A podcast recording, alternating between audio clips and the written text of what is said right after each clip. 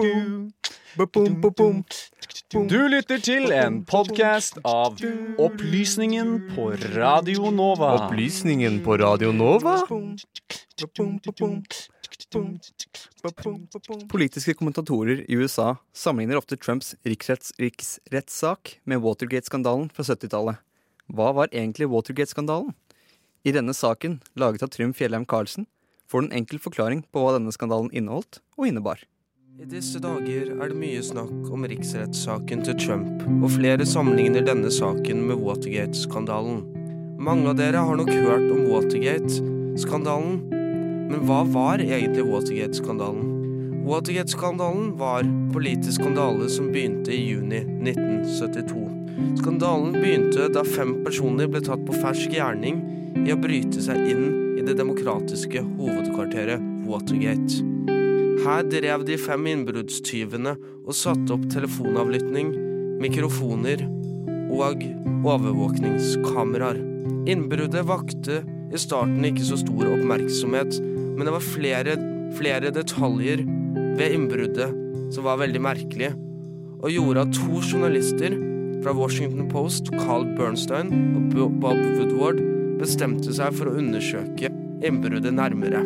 De to journalistene gravde dypere og dypere i saken og fant ut at flere av de fem innbruddstyvene var tidligere FBI og CIA. De fulgte flere spor og fant ut at de ledet til kampanjen for gjenvalg av Nixon. De fant også ut at den ene innbruddstyven, James McCord, jobbet for kampanjen for gjenvalg, gjenvalg av Nixon som sikkerhetssjef. I 1973 begynte det med en rettssak mot de fem innbruddstyvene. Under denne rettssaken avslørte James McCord at det, var, at det var medlemmer av kampanjen for å få Nixon gjenvalgt som hadde godkjent innbruddet og hadde senere prøvd å dekke sporene sine, deriblant med å true de fem innbruddstyvene til å ikke snakke om det som hadde skjedd. James McCord avslørte også at Nixon hadde en tendens til å ta opp alle samtalene sine på kassettbånd.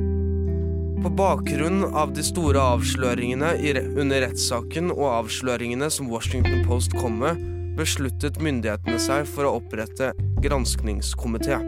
Granskningskomiteen beordret Nixon til å gi fra seg kassettbåndene. Nixon nektet dette, og han nektet også for å være involvert i innbruddet. Han nektet for å i det hele tatt ha visst at innbruddet skjedde, og nektet for at medarbeidere i kampanjen for å få Nixon gjenvalgt hadde noe med dette å gjøre. Men i 1974 så måtte Nixon gi fra seg kassettbåndene, og kassettbåndene viste at Nixon hadde visst om innbruddet, og at han hadde vært aktiv deltaker i å prøve å skjule sporene.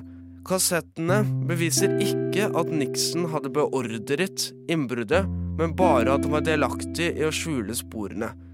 Noe av grunnene til at vi ikke vet, vet mer om Nixons rolle, var at store deler av kassettbåndene hadde blitt slettet på mystisk vis.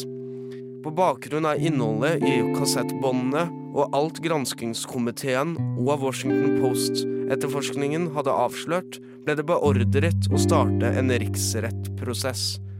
Nixon ønsket ikke å bli involvert i en slik riksrettprosess, og i 1974 valgte han frivillig å avtre som president. Prosessen fortsatte videre, og flere av medarbeidere i kampanjen Kampanjen for å få Nixon gjenvalgt og andre medarbeidere i Nixons stab ble senere dømt for å ha vært med på å beordre innbruddet eller skjule sporene, eller ha vært med å bruke andre skitne taktikker i valgkampanjen i 1972.